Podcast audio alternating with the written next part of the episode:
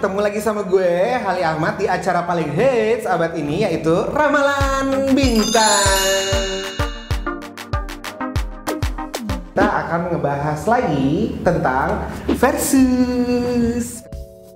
Ada orang yang memang sudah dieliminasi dari episode sebelumnya. Nah sekarang akan gue panggil kembali. Ini dia Adisti. Siapa yang kenal nama Adisti? Eh, yang mau gue bahas adalah bagaimana akhirnya di dalam pertemanan sendiri Aries dan Taurus bedanya tuh apa dan persamaannya tuh gimana gitu. Gue akan langsung bahas ya. Kalau Aries kan lebih ke biasanya dia orangnya cukup temperamental tuh gitu. Maksudnya gampang meledak, berapi-api. Mereka ini juga apa jangan coba-coba kasih masukan ke si Aries nih kalau lagi nggak bagus bawa moodnya. Tapi Udah kalau lagi nggak bagus, wah kelar. Nah kalau sekarang Mbak Melukas gimana?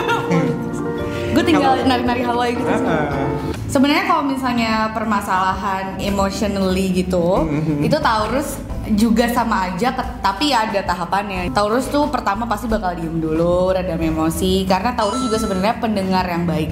Jadi ada beberapa temen cowok yang sering cerita sama gue kayak kayak gitulah ya, Bo.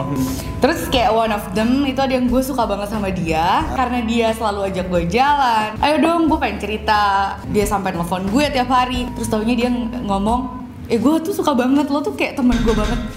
Nah, Kalau Aries tuh dalam temenan juga sebenarnya gini, dia adalah orang yang selalu bisa memeriahkan suasana gitu di mana pun dia berada. tapi kalau misalnya Taurus dijadiin temen, temen traveling, kalau gue boleh jujur, itu nggak enak. Ya karena Taurus egois.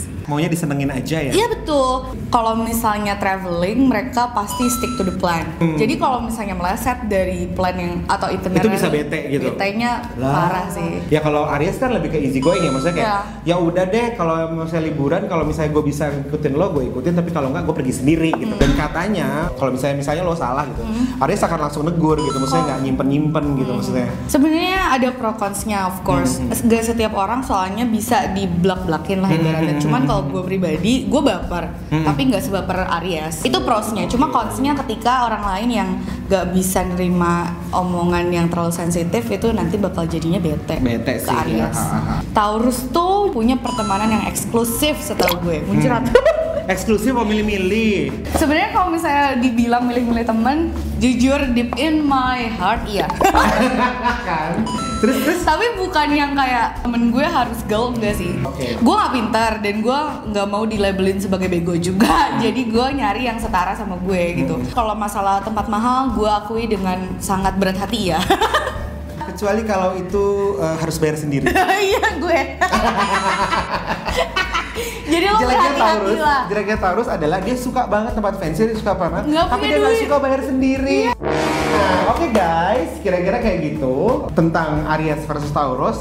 Kira-kira enaknya eh, gaul sama Aries atau gaul sama Taurus? Tentunya, eh, jangan lupa apa? Jangan lupa subscribe dan terus nonton Ramalan Bintang. Pokoknya jangan lupa subscribe, As 2000. bisa komen juga kalau mau nanya apa-apa, bisa nanya juga di komen.